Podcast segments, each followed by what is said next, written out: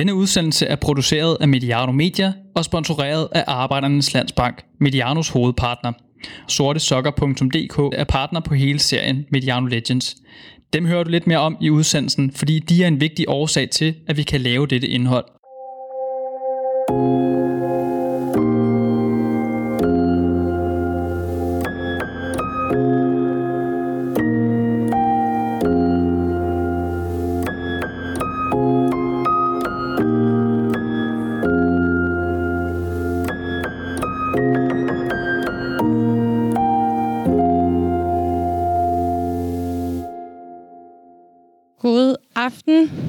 og hjertelig velkommen til Parkscenen. Nu er solen kommet frem. Det er perfekt. Øhm, det er mig en fornøjelse øh, at byde velkommen til dette arrangement, der knytter sig til det videoværk, som I kan opleve på planen lige hernede. Et værk, hvor fodboldspilleren Zinedine Zidane er i centrum.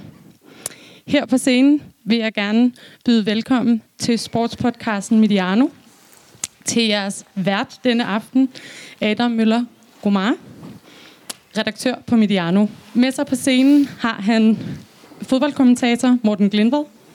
Velkommen. Tak. Og øhm, journalist og stifter af podcasten Viva la Liga, Frederik Janigong. Tak. Velkommen til jer. Tak. Øhm, lige lidt praktisk. Arrangementet varer en lille time. Hvis der skulle komme regn igen, så har vi nogle enkelte paraplyer lige herovre, som I kan gå over og hente og låne. Rigtig god fornøjelse, og nu giver jeg ordet videre til dig, Adam. Tak. Tak skal du have. Jamen, øh, ja, dejligt at, øh, at være her på, på Louisiana. Tusind tak for øh, invitationen herop. Øh, og øh, tusind tak til, til jer, der allerede er kommet ud øh, på planen her og har sat jer til rette. Øh, og til folk, der kan gå rundt i de smukke omgivelser og, øh, og lytte lidt på, på os, mens de måske ovenikøbet beundrer værket, øh, som jo er den her øh, film, der hedder Sedan og 21st Century Portrait. Og vi har stået og, øh, og luret lidt, og øh, har, har også set den i fuld længde tidligere. Øh, et, øh, ja, et meget unikt øh, spillerportræt. Vi kommer som nævnt fra fodboldmediet Mediano, og øh, vi laver jo blandt andet fodboldpodcasts, øh, og den her, den her lille seance, vi har her, øh, bliver, også, øh, bliver også optaget og udgivet senere hen som, øh, som podcast. Så øh, I, kan, I kan endda, hvis I finder Mediano derude, øh, efterfølgende genhøre det, hvis I ikke øh, fik det hele, hele med her. Øh, Jeg hedder som sagt Adam Møller Gomar, og øh, udtalen sad lige i skabet. Det var, det var fremragende, øh, og jeg er vært på, øh, på Mediano og, og redaktør også. Øh, Jeg tror også, udtalen sad rigtig godt på dig, Frederik. Det gjorde den, ja. Chanigong. Den kan godt glippe nogle gange. Øh, den kan godt, den kan godt fejle. Øh, Det har jeg også selv lavet øh, en del gange, det trick. Øhm, og øh, ja, øh, fodboldkommentator mange år efterhånden, øh, Morten med spansk fodbold, hvor øh, ja, Morten Glindvad, øh, hvor, hvor øh, Zidane jo huserede og især slog sit navn fast, kan man sige. Øh, og så har Morten også boet i Frankrig, øh, og sagde du, Morten, du var lidt, lidt frankofil i virkeligheden også. en lille smule. Ikke lige så meget som Frederik. Ikke lige så meget som Lidt. Frederik, nej. Fordi Frederik har jo øh, en, en ja, øh, fransk baggrund og har, øh, er vokset op i Paris. Øh, Yes. ja, har boet lige så mange år i Frankrig som i Danmark. Jeg Eller? er stadig lidt længere i Frankrig end i Danmark, Ja. faktisk. Ja. Øh, Jeg havde en øh, fransk far og har boet dernede i mange, mange år, inden jeg flyttede herhjem som 15-årig. Og arbejder nu til daglig også med, øh, med sport på BT Sport. Øh, og øh, ja, med, øh, med indledningen med introduktionen af de to herrer her, så øh, kan jeg jo sige lidt om filmen. I har jo sikkert, øh, nogle af jer måske allerede været nede og, og, og, og kigget den, ellers så der står der selvfølgelig også en glimrende beskrivelse øh, af den, men det er jo øh, på, ja, blandt andet herover og nede ved, ved skærmen, øh, det er jo de her 17 kameraer den ene aften, hvor Real Madrid møder øh, Villarreal tilbage i 2005, hvor man altså, synkroniserer de her kameraer og følger Zidane undervejs. En meget, meget speciel øh, Øh, måde at se en, øh, en fodboldkamp på, må man sige. Og øh, ja, det skildrer, som, som der også står i beskrivelsen, fodboldspillets øh, drama, hvilket jeg jo i den grad synes, at, øh, øh, at, at man ser i den her øh, i den her film, altså 17 kameraer i alt på, på Zidane. Så nu skal vi prøve at lægge lidt, øh, lidt, lidt vokal på. Der er jo lidt en lille smule musik, og ellers er det mest billeder og stemning, der er på filmen. Men jeg starter med et citat. Jeg har, jeg har et par citater med undervejs øh, omkring Zidane, udtalt af store personligheder, øh, og, og lige så store spillere, måske endda som, som ham. Individuelt var Zinedine Zidane bedre end Lionel Messi. Sådan sagde Pelé for nogle år siden. Allerede inden for de første øh, tre minutter her har vi fået nævnt øh, Pelé og, og Messi øh, på siden af, af Zidane. Og hvis man af Pelé bliver beskrevet som bedre end, end Messi, så har man, øh, så har man gjort indtryk, vil jeg sige. Og det synes jeg jo også var, det var netop det, som Zidane han, øh, han kunne, og det han gjorde på mig, synes jeg, han gjorde, han gjorde indtryk på, ja, på, øh, på en ung dreng, da jeg så ham øh, øh, første gang, både for det franske landshold og for Juventus, for Real Madrid. Det var en fodboldspiller, der, hvis der er nogen, der kan gøre den øh, øh, sportsgren til kunst, så synes jeg jo næsten, at Zidane er, er en af dem, der kunne det. Øh, og det her er en, en særlig udgave af det format på Mediano, der hedder Mediano Legends, hvor vi jo portrætterer øh, nogle af de allerstørste spillere øh, og fortæller de bedste historier, men også fortæller om dem, der har gjort størst indtryk, og det synes jeg jo, at, at Zinedine Zidane, han, øh, han er øh, en af dem, der har gjort. Så hvis jeg skal prøve at lægge den over til, til mine gæster, nu beskrev jeg lidt om, hvordan jeg har det med, med at have set øh, Zidane dengang. Øh, Morten, hvordan, hvis du skal sætte ord på det, var Zidane øh, som oplevelse på en fodboldbane? Jamen, han er jo, for mig at sige, at han, er han en af de mest fascinerende fodboldspillere, øh, der har været i, i nyere tid, og han er, den, altså, han er jo den helt rigtige fodboldspiller at lave lige præcis den her type film om, fordi at hvis, du sidder, hvis man sad på et stadion, så kunne jeg godt få den der tendens til at måske lige glemme opmærksomheden i forhold til, hvad der foregik selv i spillet, bare følge Zidane.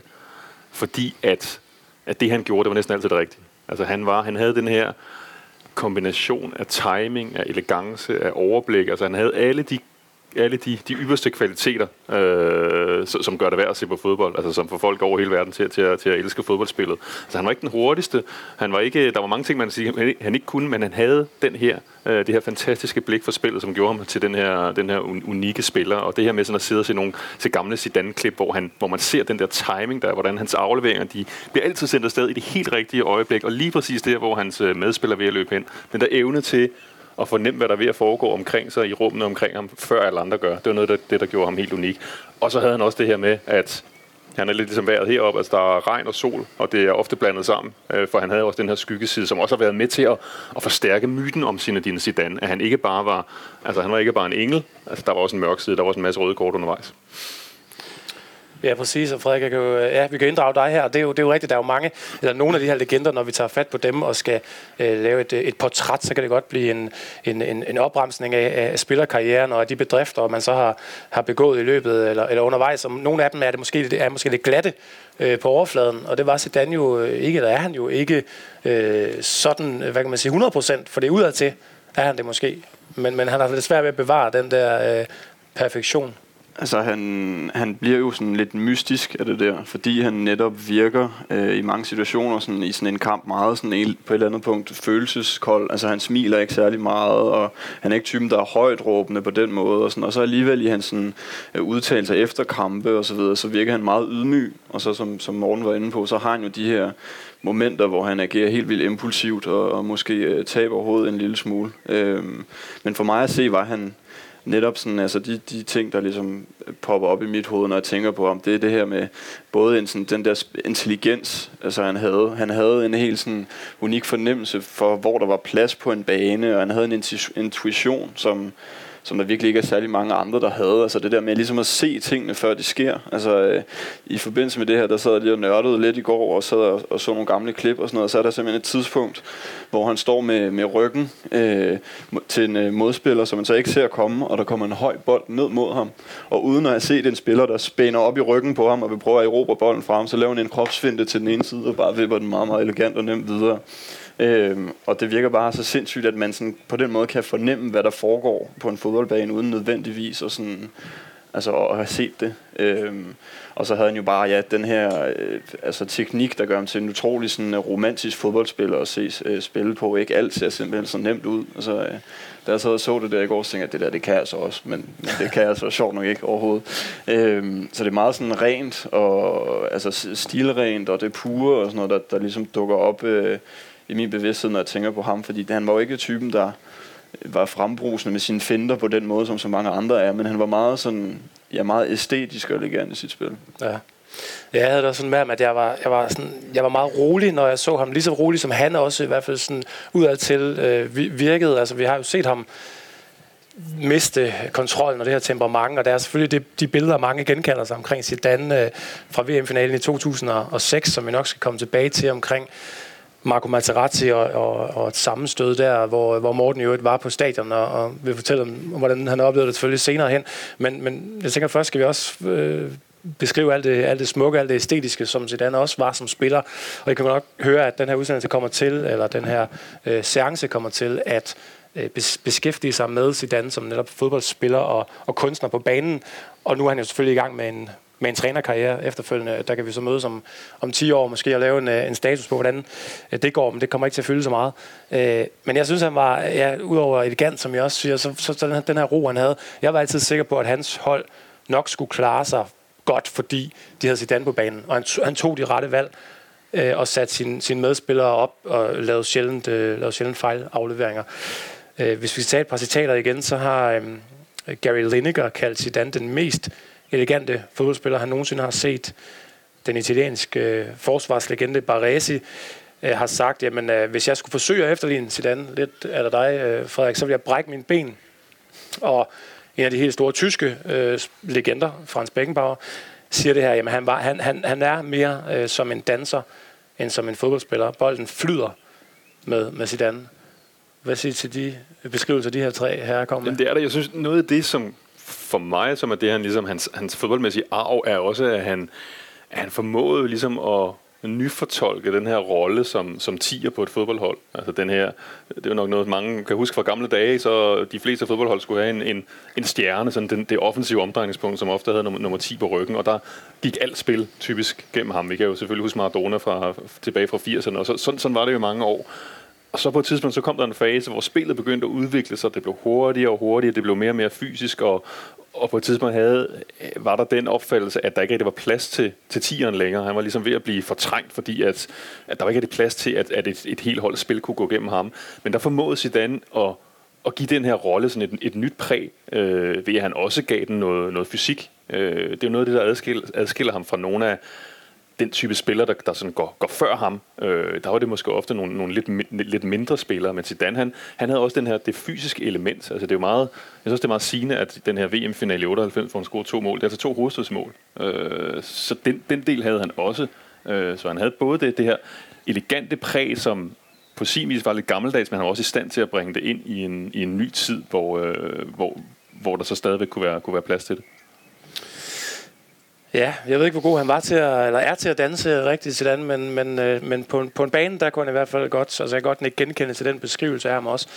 Og øh, den franske øh, sanger, øh, Jean-Louis Murat, har sagt om Zidane, ingen ved, om han er en, en engel eller en dæmon, og det ligger sig virkelig meget godt op af, af filmen og værket, som, som man kan se her på Louisiana. Det her med, han siger, øh, han smiler som øh, mor Teresa og laver grimasser som en seriemorder.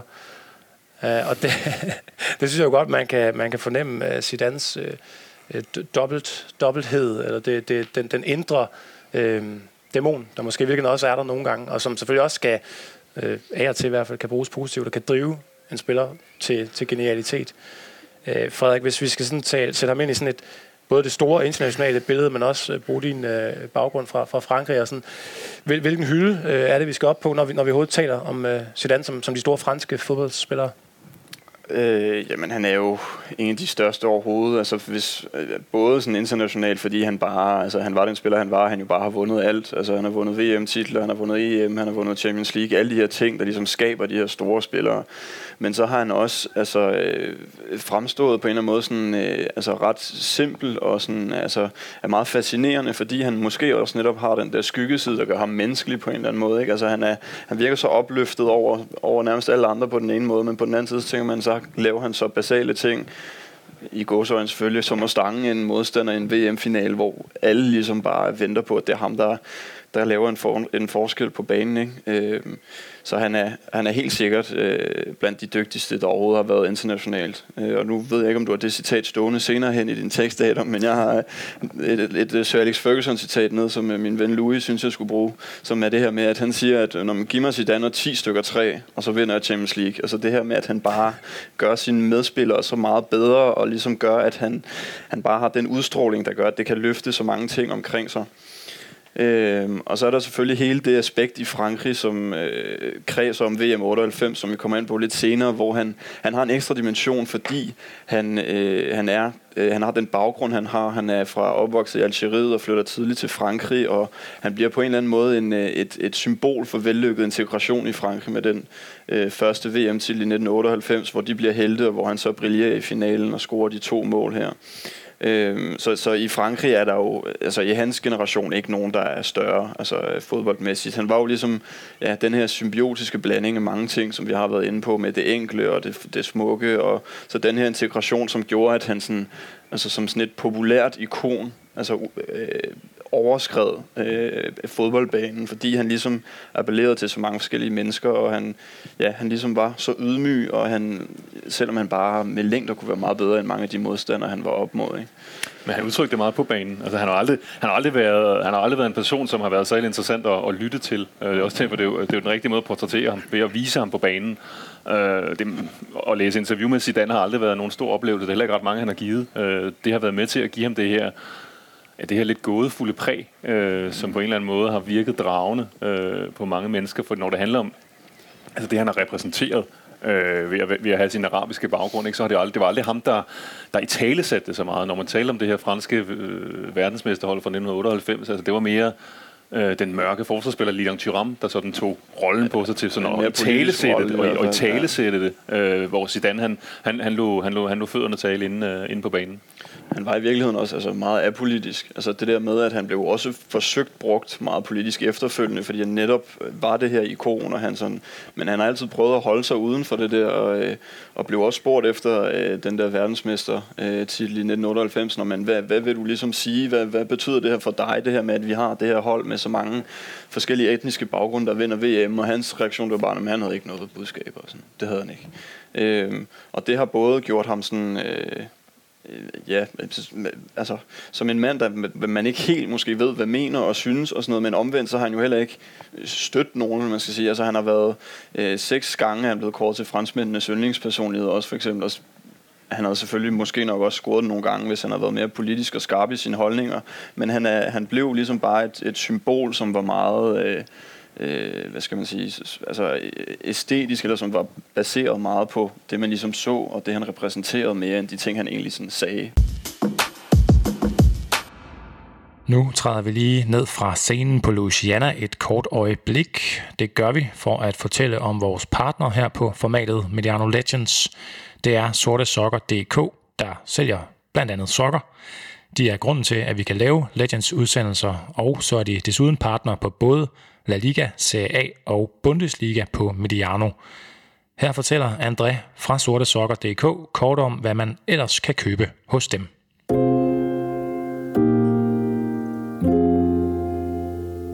Slut med sokker, der ikke matcher. Har du kun sorte sokker i skuffen, er der altid to, der passer sammen. Vi har i øvrigt også sorte t-shirts og underbukser.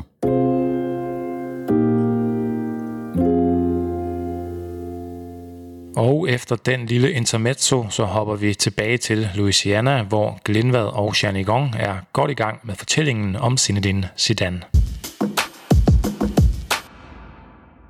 Hans tidligere landsholdskollega Marcel Desailly, han, han, han siger på et tidspunkt, det her med øh, ja, den asiatiske baggrund, hvis vi skal tage fat i, i den, altså der, der er Frankrig jo også landsholdet øh, et, et, et sammensat øh, hold på mange områder. Han siger, faktisk vil han mene, at det er hårdere at vokse op i Frankrig øh, og, og sågar spille på det franske landshold som, som, som Algier, end, end det er som, som sort, som det så I selv, og Thuram for den sags skyld, som du, som du nævnte, Morten. Hvad, hvad var ligesom, altså hvilke, hvad kan man sige, ja, hvilke omstændigheder har der været omkring fransk landsholdsfodbold med de her, det her sammenbragte hold, som, som jeg er inde på her, som alligevel i sit dansperiode jo har en storhedstid. Altså, der er jo det er specifikt, hvis vi nu skal Algeriet, øh, at øh, det er jo ligesom det land, der kommer flest migranter fra i Frankrig faktisk. Øh, og der er jo, altså der har været den her øh, fortid med krigen i Algeriet, og som var meget blodig og så videre, så der har altid været en eller anden form for sådan Øh, altså sådan, øh, måske ikke et tabu, men der har i hvert fald været en meget, meget betændt øh, øh, fortid mellem de her to lande. Øh, og Zidane han formåede på en eller anden måde ligesom at svæve over den konflikt, øh, og, og, og netop holdt sig apolitisk, som vi har været inde på tidligere, men men den her VM til i 98, den kommer også i en periode, hvor øh, altså højre fløjspartierne var på vej op fra National, som så også øh, øh, kulminerede nogle år senere ved at, at have en, øh, en præsidentkandidat med til anden runde ved valget i 2002. Øh, og det her gjorde jo på en eller anden måde, at man fik øh, altså skabt et fællesskab på tværs af sociale klasser, på tværs af raser, på tværs af religioner, som gjorde, at nu blev det ligesom vellykket integration, som blev øh, som blev det, øh, det bærende, kan man sige. Og så fik øh, dem, som var imod det på en eller anden måde, uret, og resten fik ret, hvis man skal karikere det en smule. Øh, og det kaldte jo selvfølgelig både folk fra Algeriet, men også øh, altså, øh, spillere, som øh, var mørke, og som havde andre baggrunde, end han var. Men, øh, men, men altså, det franske landshold har jo historisk set og meget lang tid været sådan der. De vandt jo senest VM for to år siden faktisk i dag, og det var jo det samme med en masse spillere, som kommer fra forskellige baggrunde, hvor man blandt andet havde den her øh, forskellighed ved at, at skrive øh, billeder af øh, spillernes fødeby op på, eller projektere dem op på triumfbuen. Øh, og det var også det, der skete 20 år øh, for inden, hvor det godt nok ikke var byerne, der blev projekteret op, men der blev projekteret blandt andet et billede af Zidane op, hvor der stod Zidane præsident, som ligesom var, øh, hvad skal man sige, hele øh, øh, beskrivelsen eller billedet på det her. Og det var jo altså det her begreb, som, som jo meget blev, blev brugt i forbindelse med, med 98 til det her Black Blanc bør, bør, at det var ligesom landsholdet, det var de sorte, de, de hvide araberne, det var sådan de tre ord, øh, det dækkede over, ikke? Og det er jo det, er, det viser jo også det viser jo fodboldens kraft, fordi det er jo ikke, det er jo ikke kun i Frankrig, vi har set det. Ikke? Altså, vi kan jo også huske, at da Tyskland nåede en, en ny storhedstid, øh, som, som i virkeligheden startede i det her VM i 2006, hvor, hvor, Zidane, øh, hvor Zidane takkede af. Altså, det var jo også noget, der betød meget for den tyske nation, og der talte man om en, det nye tyske multikulti-landshold, at det var jo også forening med de mange immigranter, som var i Tyskland, som lige pludselig kom til udtryk på succes på et landshold, og hvor man jo også mente, at det symbol skulle fortælle noget. Vi har også set i Spanien, da, da de øh, nåede en, en, en storhedstid, der var det der var det Katalonien, og det var øh, spillere fra, fra Madrid, der, der fandt en, en forening på, på det her landshold. Ikke? Så det er, der kan fodbold, og der kan især de store slutrunder altså gøre rigtig, rigtig meget.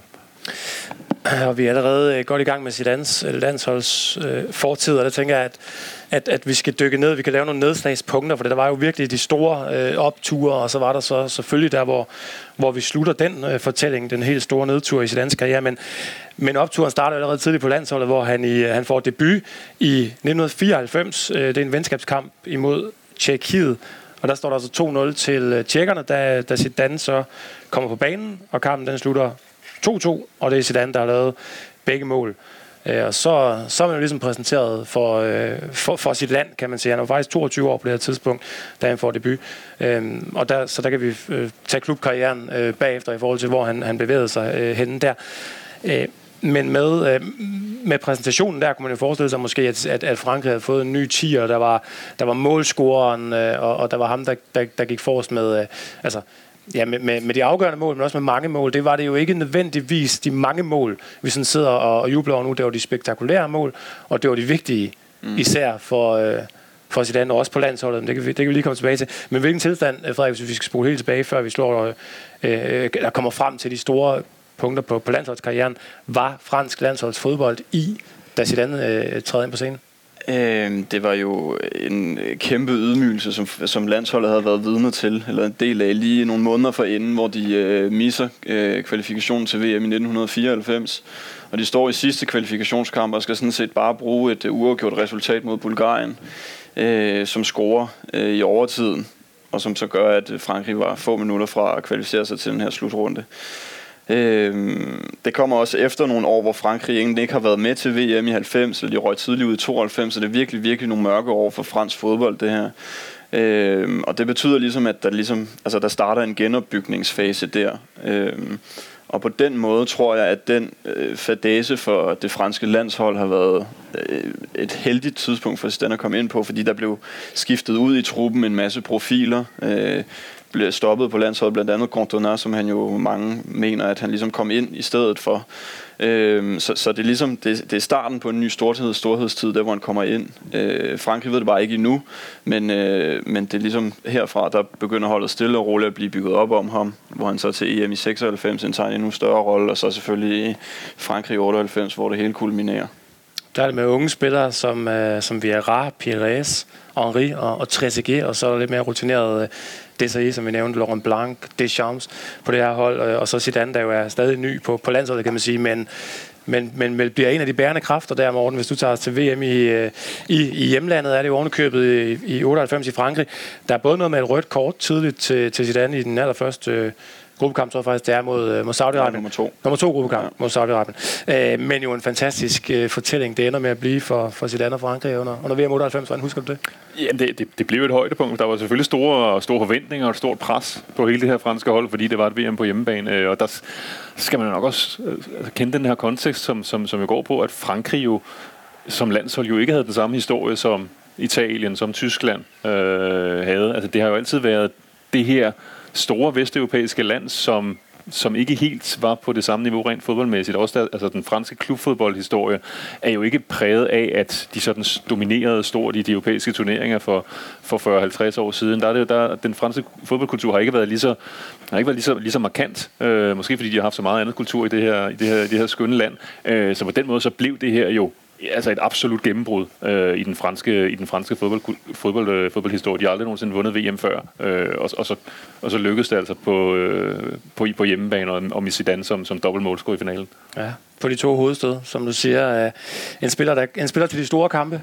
Ja, og det er jo noget, som, det er jo noget der har kendetegnet ham, ikke? Altså på, på godt og ondt. At han, han var nemlig ikke den der, der, der sådan kværnede igennem og storspillede, når, øh, når han med Real Madrid eller Juventus mødte nogle af de små hold. Altså han, han, han var mesteren til i de, i de største øjeblikke. Øh, og, og de her allermest ikoniske Zidane-øjeblikke, det er jo også det er jo fra de store kampe. Det er fra VM-finalen i 98, det er Champions League-finalen i 2002, og så, og så selvfølgelig VM-finalen i, øh, i, i 2006. Det var ligesom, det var der, hvor han, øh, hvor han virkelig trådte op på den store scene. Man sagde lige frem om den her øh, Le Feu Zidane, altså Zidane-effekten efter triumfen i øh, 1998. Hvad lå der i det begreb, Frederik? Jamen, det var jo lidt det, jeg var inde på tidligere faktisk, det her med, at han blev øh, et eller andet, øh, altså et symbol for øh, den samling, som, som Frankrig øh, øh, oplevede efter VM i 98. Øh, da de vinder øh, VM den 12. juli, øh, der står der altså en halv million mennesker på Champs-Élysées, og det er det meste, der har været siden, øh, altså siden befrielsen i 1944. Så det, det, det tegner også godt øh, sådan billedet af, hvor vigtigt det egentlig var. Øhm, og så bliver det ligesom det her politisk, øh, eller det her, undskyld, håndgribelige bevis på, at sport og politik faktisk bare spiller sammen. Altså, at de, man kan ikke sådan løsrive dem fra hinanden øh, på den måde. Det her med, at sport øh, bliver symbolet på den her vellykkede integration. Det gør selvfølgelig også noget, at fodbolden er den her holdsport, en populær sport, som alle folk ser på tværs af sociale klasser. Øh, og så, øh, så, så Frankrigs integration blev ligesom hædret blandt andet gennem den her øh, diskrete og stille held uden for banen, men der altså pander øh, bolden to gange i mål øh, i finalen her. Øh, og øh, ja, altså det, det, det, altså det markerer en eller anden form for mentalitetsændring i forhold til den fortid, hvor øh, netop der måske var meget øh, øh, altså mere og mere racisme i Frankrig, og hele det her Black Blanc-begreb, som øh, Morten var inde på tidligere, opstår, og det er jo folk, øh, som har øh, alle forskellige baggrunde, der kigger med det franske flag i gaderne, som har skabt de her meget intense billeder, og, og øh, ligesom bare viste, at, at nu, nu kan vi noget sammen, vi har opnået noget sammen. Øh, og øh, der er en øh, fransk politolog, som blandt andet sagde, at, øh, at Zidane han har rykket mere med sin hofte end til 15 års integrationspolitik, og det synes jeg var meget sigende, det her med, at han ligesom bare via det, han har lavet på banen, og den måde, han ligesom bare har, har formået at samle et land på, har gjort virkelig, virkelig meget, øh, selvom det ikke øh, direkte har været øh, politisk på den her måde. Og han fortsatte øh, med at, øh, at spille en afgørende rolle på landsholdet jo også i de her år. Der er han jo også personligt altså på et, et klimaks på den her fantastiske karriere jo i virkeligheden. Han vinder efter VM-triumfen naturligvis også. Den fylder meget øh, får den personlige heder at blive øh, Europas bedste fodboldspiller, Ballon d'Or. Øh, titlen i 98 bliver øh, nummer to eller tre, nu bliver faktisk i år 2000, da de så vinder øh, EM-slutrunden efterfølgende, kan jo så kalde sig verdensmester og øh, europamester, da de tager, øh, da de tager den her øh, EM-trofæet i, i 2000 i Holland og, øh, og Belgien. Der er Zidane igen manden, der skal sparke, da de står i, i semifinalen mod Portugal et par minutter før før tid, og der er et afgørende straffespark, der skal sættes i øh, den forlængede spilletid ovenikøbet, der skal i, i nettet.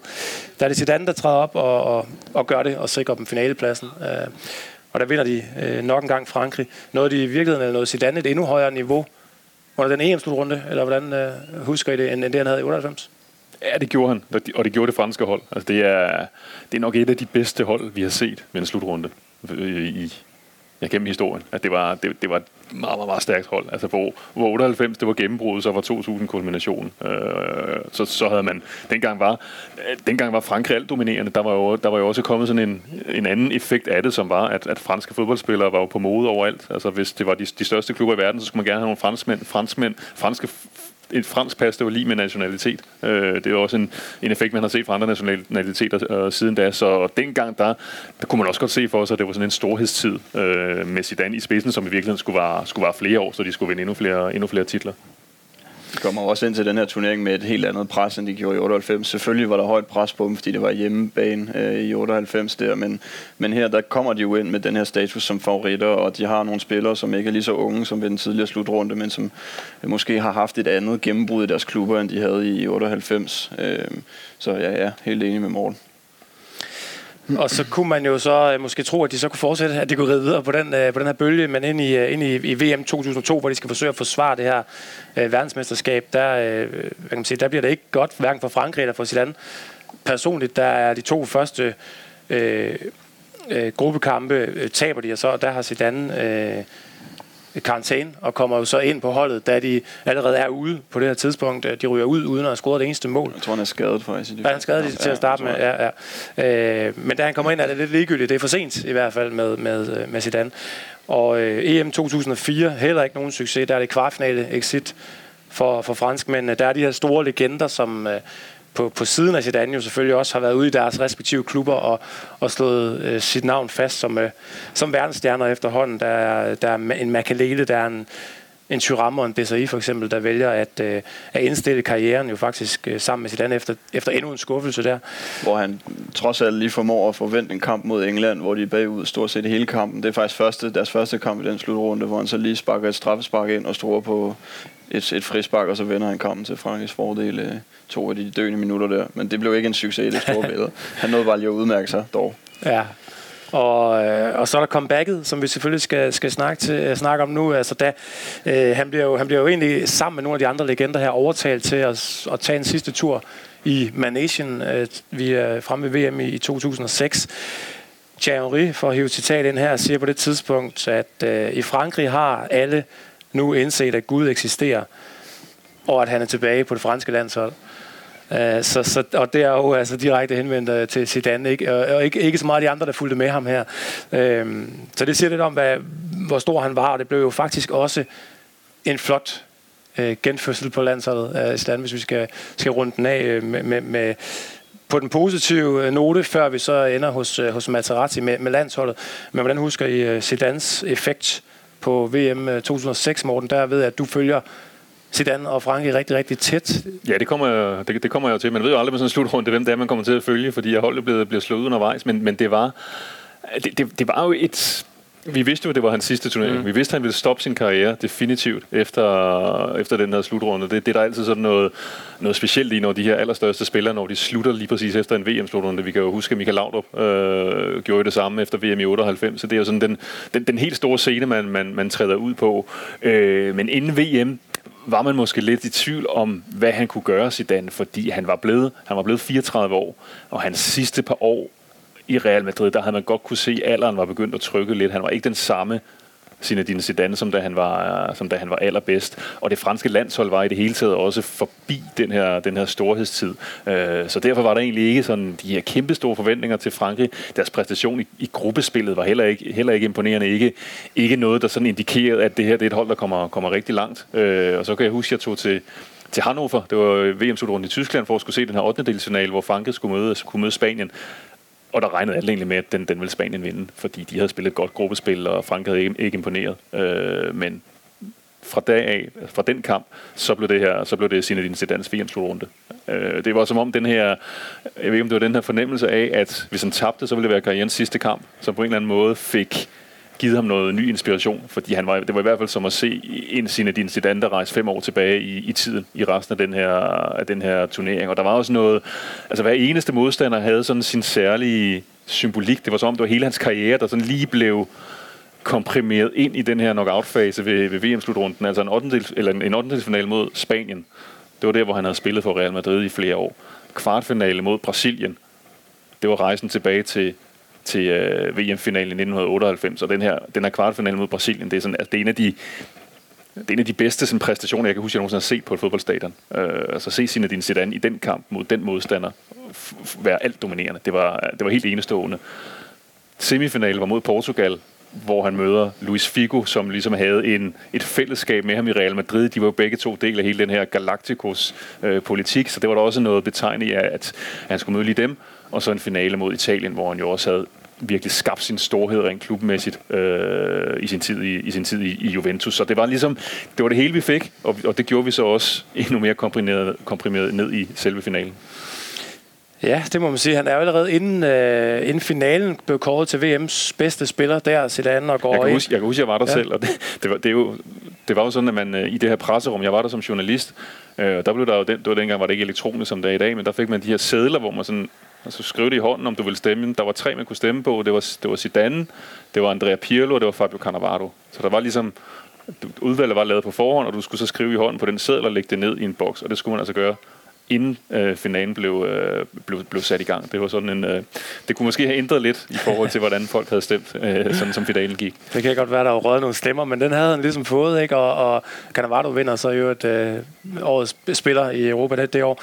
Øh, men men, øh, men den, den havde han fået til, at han gik på banen til det, han vidste var sin sidste kamp overhovedet. Øh, øh, øh det, ville, det ville slutte med et VM-trofæ, hvis Frankrig kunne, kunne, kunne føre det her hjem, og han scorer på det her fantastiske straffespark, hvor det er, det er, det er ikke langt fra at gå galt med, med Panenkaen, men, uh, men den sidder der, ikke? Og han er så kølig. Han er kølig. Altså, det er virkelig, mand. Okay, han, ja, men det er et fantastisk straffespark, og det er tidligt i kampen, og Frankrig foran, og alt er jo legnet op. Sol, måne og stjerner står rigtigt. Det bliver sit andet aften, det bliver afslutningen, uh, som den skulle være, som den var skrevet. Uh, ja, var det H.C. Andersen, der havde, der havde skrevet den, ikke? Men, men, uh, og så alligevel kunne H.C. Andersen måske godt have, have skrevet det sidste twist ind her med, at han, han bliver, uh, det, det, det, han går jo fra kæmpemæssig held til, jeg ved ikke engang om, om skurk det dækker det, men han, han, han, han nikker ind i, i, i brystkassen på den italienske forsvarsspiller Marco Materazzi, øh, vender sig om på et tidspunkt, drejer lige rundt på hælen og går ind i ham hårdt med, med hovedet, og Materazzi går ned øh, og spiller selvfølgelig lidt teatralsk med på, på løjerne, og, og, og naturligvis rødt kort til Zidane, og måbende kigger vi på fra, eller jeg fra tv-skærmen i hvert fald sammen med millioner af andre, og Morten fra fra dit sæde på, på stadion, da, ja, det, her, så det ikke. da det her det sker? Nej, det var gang med at lave kaffe. Nej, men det var, altså, du ved, der var, var rigtig, rigtig mange journalister på, på Olympiastadion i Berlin til, sådan, til den finale der, ikke? så nogle af os blev sådan placeret uden for, for der, hvor der var, var tv-skærme. Så, og, og, og, det var netop noget, der det foregik jo ikke i nærheden af, hvor, hvor, øh, hvor, hvor spillet var. Ikke? Så, så tilskuere mange, øh, når man sad der, hvor jeg sad, så sad man jo og kiggede på hinanden, hvad skete der? Man ser at det røde kort kommer frem, men der er ingen, der aner, hvad der, hvad der er foregået. Dengang der havde vi jo ikke sådan en smartphone, så vi lige kunne, kunne med det samme gå ind og se, hvad det egentlig var, der var, der var foregået. Ikke? Så det var jo sådan et, det var sådan et mysterie. Øh, og det var først efter, efter finalen, da jeg så kommer ned i presserummet, at, at jeg så finder ud af, hvad det, hvad det rent faktisk er, der, der er sket. Og det sker jo bare på et af de mest øh, antændte tidspunkter i kampen. Det er ude i forlænget spilletid. Det er en kamp, der er hårdt spillet. Øh, folk ved måske godt, at man er på vej ud i den her straffesparkskonkurrence, som Frankrig og Italien i øvrigt også var ude i øh, seks år for enden ved EM. Nej, tæt på, undskyld, den var de ikke ude i, men, øh, men Frankrig øh, formåede lige at score, øh, score et mål, lige inden de var på vej ud i den straffesparkskonkurrence. Men det her sker bare på et, et helt vildt tidspunkt, og jeg husker også bare det der med at, at se Zidane, der, der ligesom vender sig om og forlader banen, og så er der taget nogle ret smukke, sådan helt legendariske billeder af ham, hvor han bare går forbi det der VM-trofæ, som ligesom står legnet op, øh, uden at skænke det blik og bare direkte ned i det omklædningsrum der. Og det er jo, altså nu, hvis, man har, hvis nogen af jer har måske allerede set filmen dernede, ikke? men det er jo også, øh, der er også et rødt kort, kan jeg vist godt afsløre, ikke? og det, det, var jo også en, det var jo også en side af hans, af hans karriere. Ikke? Han får 14 røde kort, øh, tror jeg, han kom op på i karrieren. Øh, så den var der hele vejen igennem, den her, den her skygge side. Ikke? Og det var der jo det var der selvfølgelig også noget symbolsk, at den selvfølgelig også skulle udtrykkes i den her, den her aller sidste kamp. Og det er jo noget, som det har jo gjort myten om ham endnu stærkere. Ja, det altså, selvfølgelig havde det endnu mere filmisk på en Ja, det gør det. Altså, selvfølgelig havde det været stort, hvis han var sluttet med at blive matchvinder i en VM-finale endnu en gang, at han havde sluttet på den måde. Ikke? Men, men et eller andet sted, så synes jeg jo næsten, det kommer til at fremstå stærkere. Det er i hvert fald noget, der har været dragende på mange mennesker. Øh, jeg ved om der, den belgiske forfatter Jean-Philippe Toussaint, der, øh, der efter den her finale, skrev sådan et helt, en, en helt pamflet, bliver det, som udelukkende handler om Zidane i den her finale. Zidanes melankoli hedder det her, det her ikke? hvor han ligesom prøver at gå ind i hovedet på Zidane, prøver at forestille dig, hvad det er, der, der er foregået derinde. Ikke? Og det handler også om, at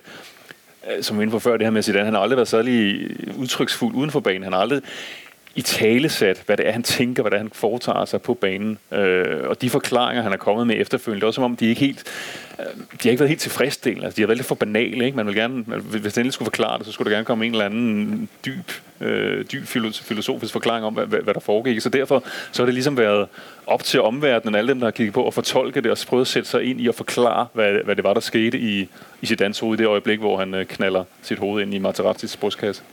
Men det vilde er det der med, det er, jo, det er jo både det her med, det er en VM-final, der er så meget pres på, hele verden kigger på. Øh, hans, hans hold kommer til at lide under det her, ender med at tabe. Det er så også de sidste minutter i hans karriere som fodboldspiller overhovedet. Og det er ligesom der, hans, hans, øh, altså hans karriere, øh, slutningen på den blev omskrevet på få minutter fra at være sådan en Hollywood-film afslutning på en eller anden måde, til sådan lidt spids sat op til en tragedie. Altså sådan lige der, ikke? hvor man så sådan tænker tilbage på det der øjeblik og tænker, altså hvad er det egentlig, der skete der? Og man, vidste, og man vidste jo bare, at Franke ville tabe den der startspørgskonkurrence. Ja, det kunne ja, ikke være anderledes. Nej. Nej, og det er jo det, det, er jo det, det, er jo det, det uperfekte menneske, som Zidane også er, som, som jeg tænker, vi alle sammen er spejler os i, som gør fortællingen om ham netop endnu, endnu stærkere, end hvis han har løftet det her andet VM-trofæ. Øh, det var ikke smukt, da det skete, og nu er vi trods alt kommet så mange år øh, på afstand af det, at, at vi sådan kan reflektere over det. Og, og for mig, jeg vil jo heller ikke nogen forklaring fra Zidane yderligere øh, om, hvad, hvad der foregik, og øh, hvad Materazzi får sagt osv. inden. Jamen, det, det er lidt ligegyldigt. Nu, nu, øh, nu endte VM-trofæet så øh, hos italienerne, og, øh, og tillykke til dem med det. Og, og, og, og historien om Zidane blev på en eller anden måde stærkere, som I netop også siger her. Så er vi nået til det tidspunkt på udsendelsen her, hvor det igen er blevet tid til en kort meddelelse fra partneren på disse Legends udsendelser. Det er sortesokker.dk, og når vi har hørt fra dem, så hopper vi derefter tilbage til Sedan og kompagni på Louisiana. sortesokker.dk Vi leverer dag til dag på hverdag. Husk 20% rabat med koden MEDIANO. Fortsat god fornøjelse med udsendelsen.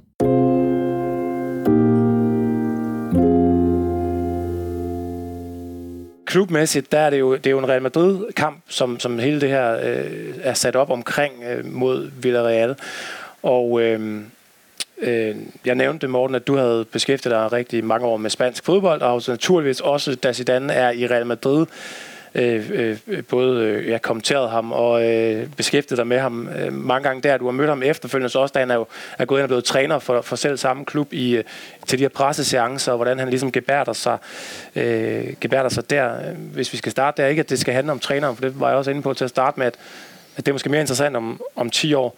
Men øh, har han ligesom nu her, øh, øh, har han lagt kimen som træner til, til noget stort, lige så vel som han gjorde det som, øh, som spiller, og hvordan, øh, hvordan, hvordan har du oplevet ham indtil videre som træner i forlængelse af den her spillerkarriere? Jamen, han har jo allerede nået, nået storheden som træner. Øh, jeg tror, det var, øh, det var noget, der overraskede mange, at han gik trænervejen.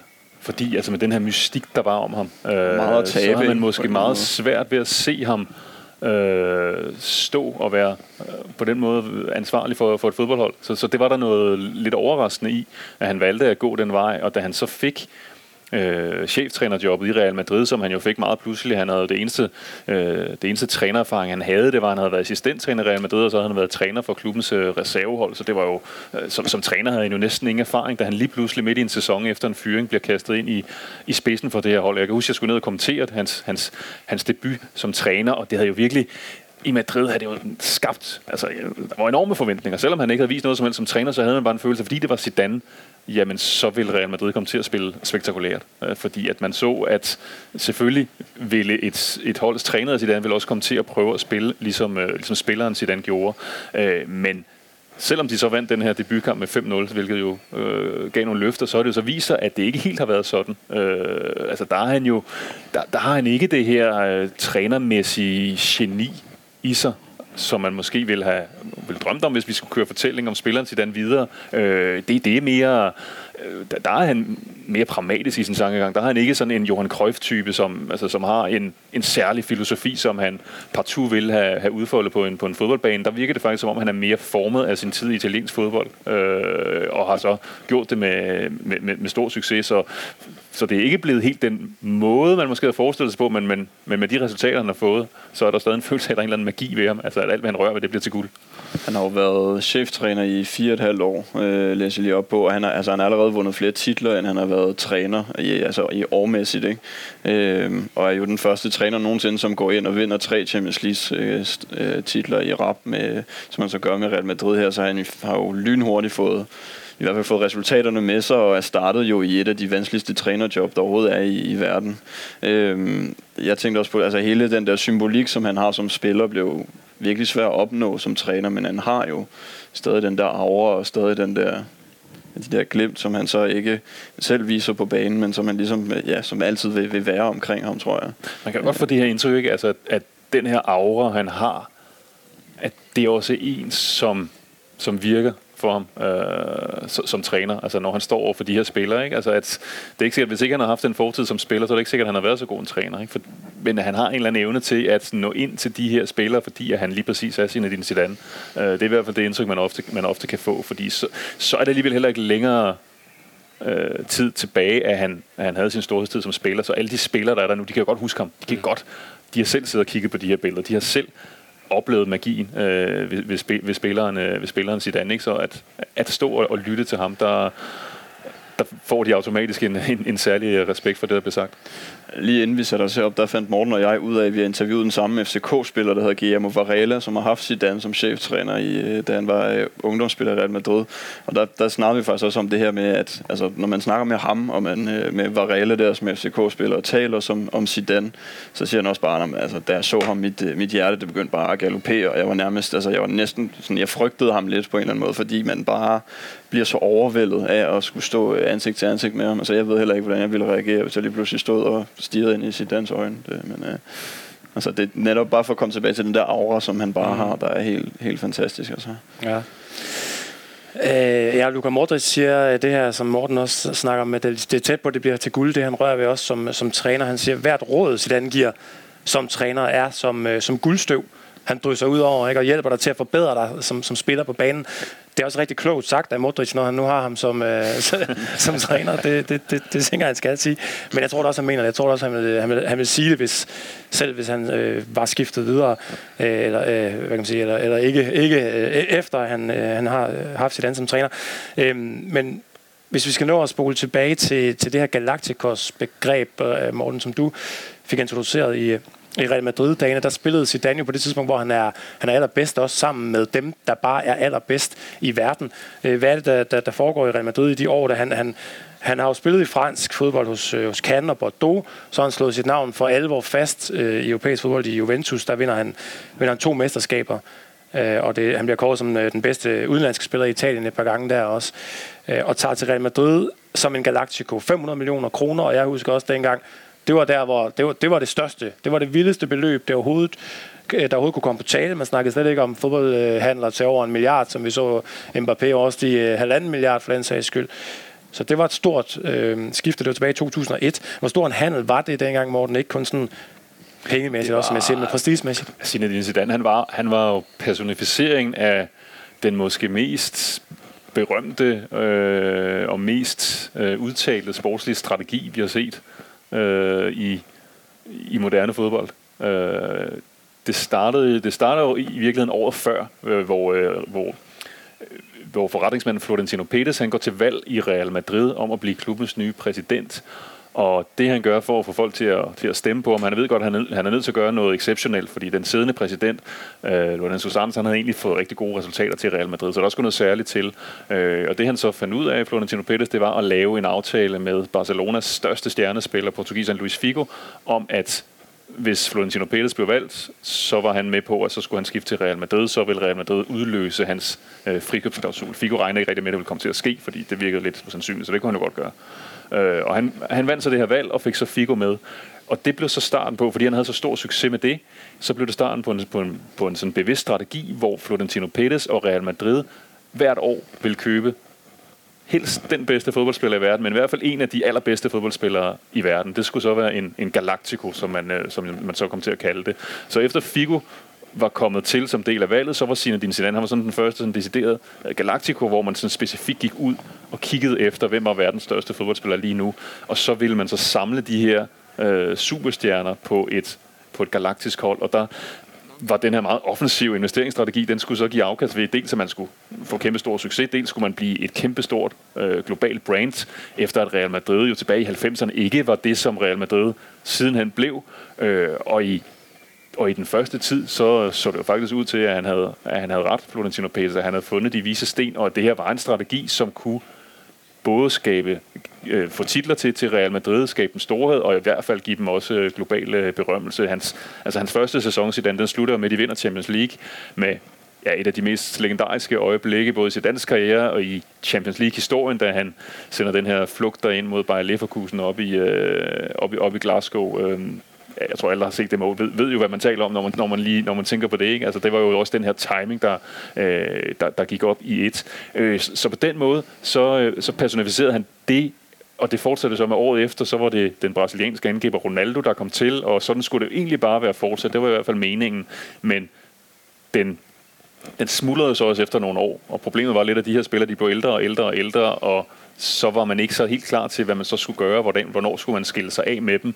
Øh, og det var også, det var Zidane jo så også øh, personificeringen af, fordi at hans sidste par år ikke helt var, øh, var det samme som, som de første år. Jeg kan huske den første, den første gang, jeg selv var, var til sådan en klassiko mellem Real Madrid og Barcelona på, øh, på Santiago Bernabeu, det var, i, det var i november 2005, og den blev sådan lidt symbols for Zidanes detronisering. Altså han spillede på et Real Madrid-hold, som var, det var blevet lidt gammelt, og så stod han over for et Barcelona-hold, hvor Ronaldinho var på, var på sit højeste. Det var den kamp, hvor Barcelona vinder 3-0, og Real Madrids publikum rejser sig op og klapper af Ronaldinho.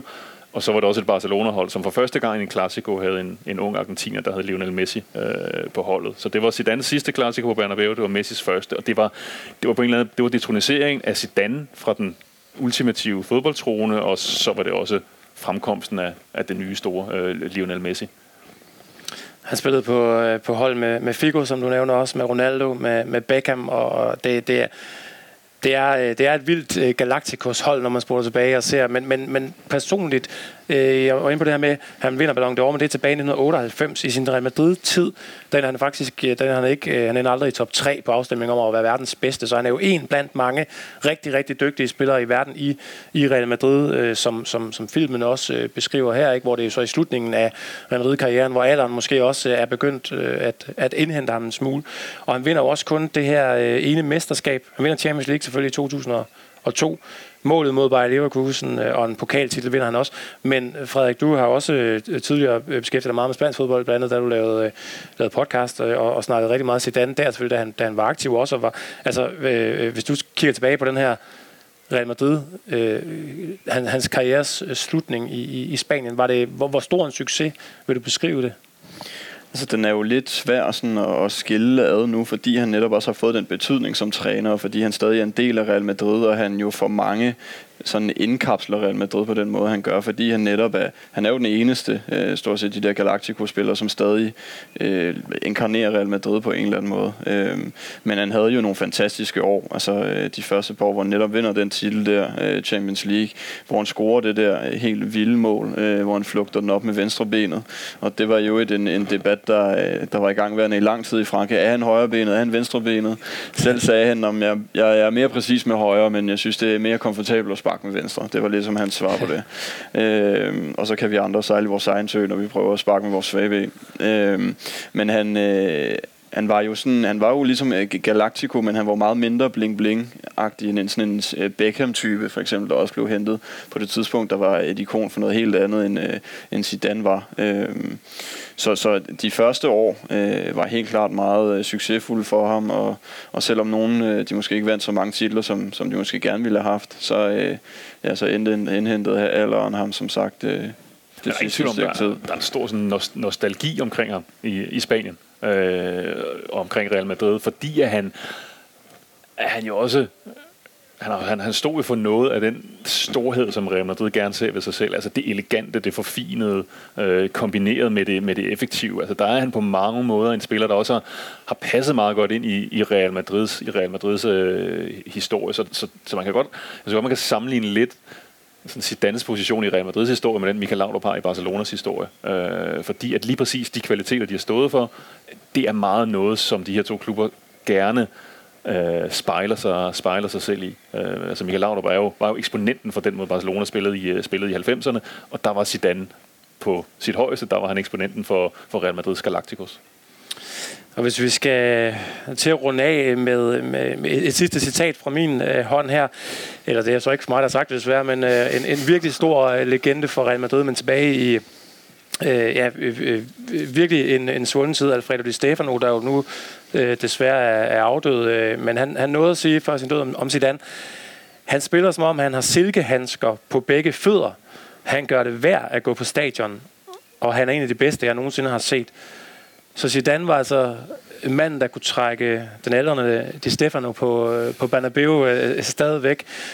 Øh, og når man ser, at der bliver lavet en, øh, en film, øh, den er godt nok efterhånden nogle år gammel jo, om, om Zidane, øh, hvorfor, Morten, giver det så mening for dig, så kan Frederik det få lov at svare bagefter her slutligt, øh, at det netop er Zinedine Zidane, som man portrætterer med, med en, så, en så speciel film også, som øh, det jo er. Ja, fordi jeg tror ikke, der, jeg tror, jeg tror ikke, du kan finde en, en bedre person at lave lige præcis den her film Og det var også, man skal også huske på, at den er så lavet selvfølgelig inden, inden VM-finalen. Og det er som om, den her VM-final 2006 gør det også endnu mere, for det også til at give endnu mere mening, at man så året før havde lavet den her film, hvor man fulgte ham under en hel kamp. Fordi at man ved, at, man ved, at der, der, er noget, der er noget særligt, at følge, og så ved man heller aldrig helt, hvad der kommer til at ske. Altså er det, gør han noget genialt, eller gør han noget, noget vanvittigt? Øh, og, og, og, det, og, og, det, og det viser, og det viser den, her, den her film også, og så, og så altså også bare det her med, at er der en spiller, som man har lyst til at følge i 90 minutter med, med øjne eller med 17 kameraer, så er det, så er det Zidane. Øh, jamen det, er jo, det handler jo også bare altså i bund og grund både om den æstetik, altså, som han jo øh, er garant for, som vi har været inde på, det her med, at alt ser nemt ud, det ser meget flydende ud, øh, og så også det her med, at han tit øh, altså, er, har bolden. Det betyder også noget, hvis det har været en defensiv spiller, der løber efter bolden hele tiden, så har det måske ikke været helt lige så sjovt øh, at kigge på. Men så er der jo netop også hele det her øh, ja, filmiske element i hans karriere, som, som, altså, som ligesom gør den her, giver den her film en helt anden symbolik også, fordi man, øh, man ved, at han har de her to sider øh, på en eller anden måde. Og så netop også det, vi har været inde på med, at han var jo en mand af få ord. Altså hvis man kunne, øh, hvis man kunne afkode ham på en eller anden måde i det ene interview efter det andet, så havde det ikke været lige så øh, fascinerende og intenst at sidde og kigge på øh, sådan en, øh, en film som den her, hvor der skælder ham helt tæt på, og hvor man på en eller anden måde skal prøve at aflæse nogle af de følelser og det, han tænker, og den måde, han ligesom... Øh, øh, opfatter virkeligheden på. Sådan, øh, det synes jeg gør, altså, gør ham til en, en altså, sindssygt sådan, fascinerende person at lave sådan en film her omkring. En serie morders øh, grimasser og, øh, og mor Teresas smil, samtidig øh, som man også kan, kan fornemme i, i løbet af filmen her. Og nu er det jo så sit dansk job, ligesom det var øh, som spiller, at få øh, øh, gamle Di Stefano på, på Bernabeu, og få øh, publikum, øh, kan man sige, til at gå til fodbold i Madrid som træner nu, og, få, og, og henrykke dem i, øh, i lige så høj grad, som han selv gjorde som, som spiller, og der er jo en, en rigtig fin sløjfe på, på den historie, på det faktum, at vi sidder og taler om, om netop Zinedine Zidane i dag. Her, øh, det er en kamp mod, øh, øh, mod Villarreal, som er, er, er brugt øh, til optagelsen af den her film, og det er jo sådan i morgen, der kan øh, Zidane og Real Madrid jo så faktisk blive spanske mestre øh, mod netop Villarreal, hvis de øh, formår at, at besejre dem. Så det er, øh, der er på en eller anden måde en fin øh, krølle på, på halen der. Og mindre der er noget, nogle sidste bemærkninger fra de her i panelet, så vil jeg, øh, så vil jeg runde af. og så sige, øh, ja, at vi er, nået, vi er nået til vejs ende. Det her, det var, det var vores øh, lille fortælling om Zinedine Zidane, øh, vores lille indspark øh, og supplement til det værk, som I selvfølgelig kan gå ned og, og nyde, hvis ikke I allerede har øh, været forbi. Og jeg vil, øh, ja, jeg vil bare sige tusind tak til mine gæster her på, på scenen, Frederik Janegong. Mange tak. Det er mig, der takker. Tusind tak, Morten Glindvad. Tak skal du have. Det var, en, øh, det var en fornøjelse, og jeg håber, at I på planen har, øh, har hygget jer undervejs, mens vi har talt Zidane, den måske mest elegante fodboldspiller, verden nogensinde har set. Tusind tak, fordi I, øh, I kom ud her, og tak til jer, der jo så efterfølgende øh, lytter med. Det her var Medianos fortælling om Zidane, og tilbage er kun at sige øh, tak igen. Tusind tak for jeres tid, og tak fordi I lyttede.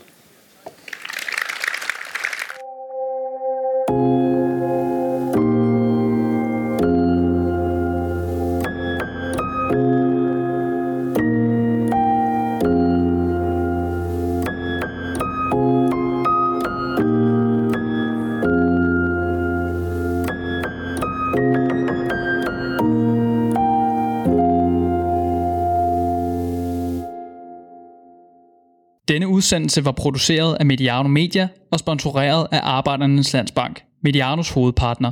Sortesokker.dk er partner på hele serien Mediano Legends. Dem hører du lidt mere om i udsendelsen, fordi de er en vigtig årsag til, at vi kan lave dette indhold.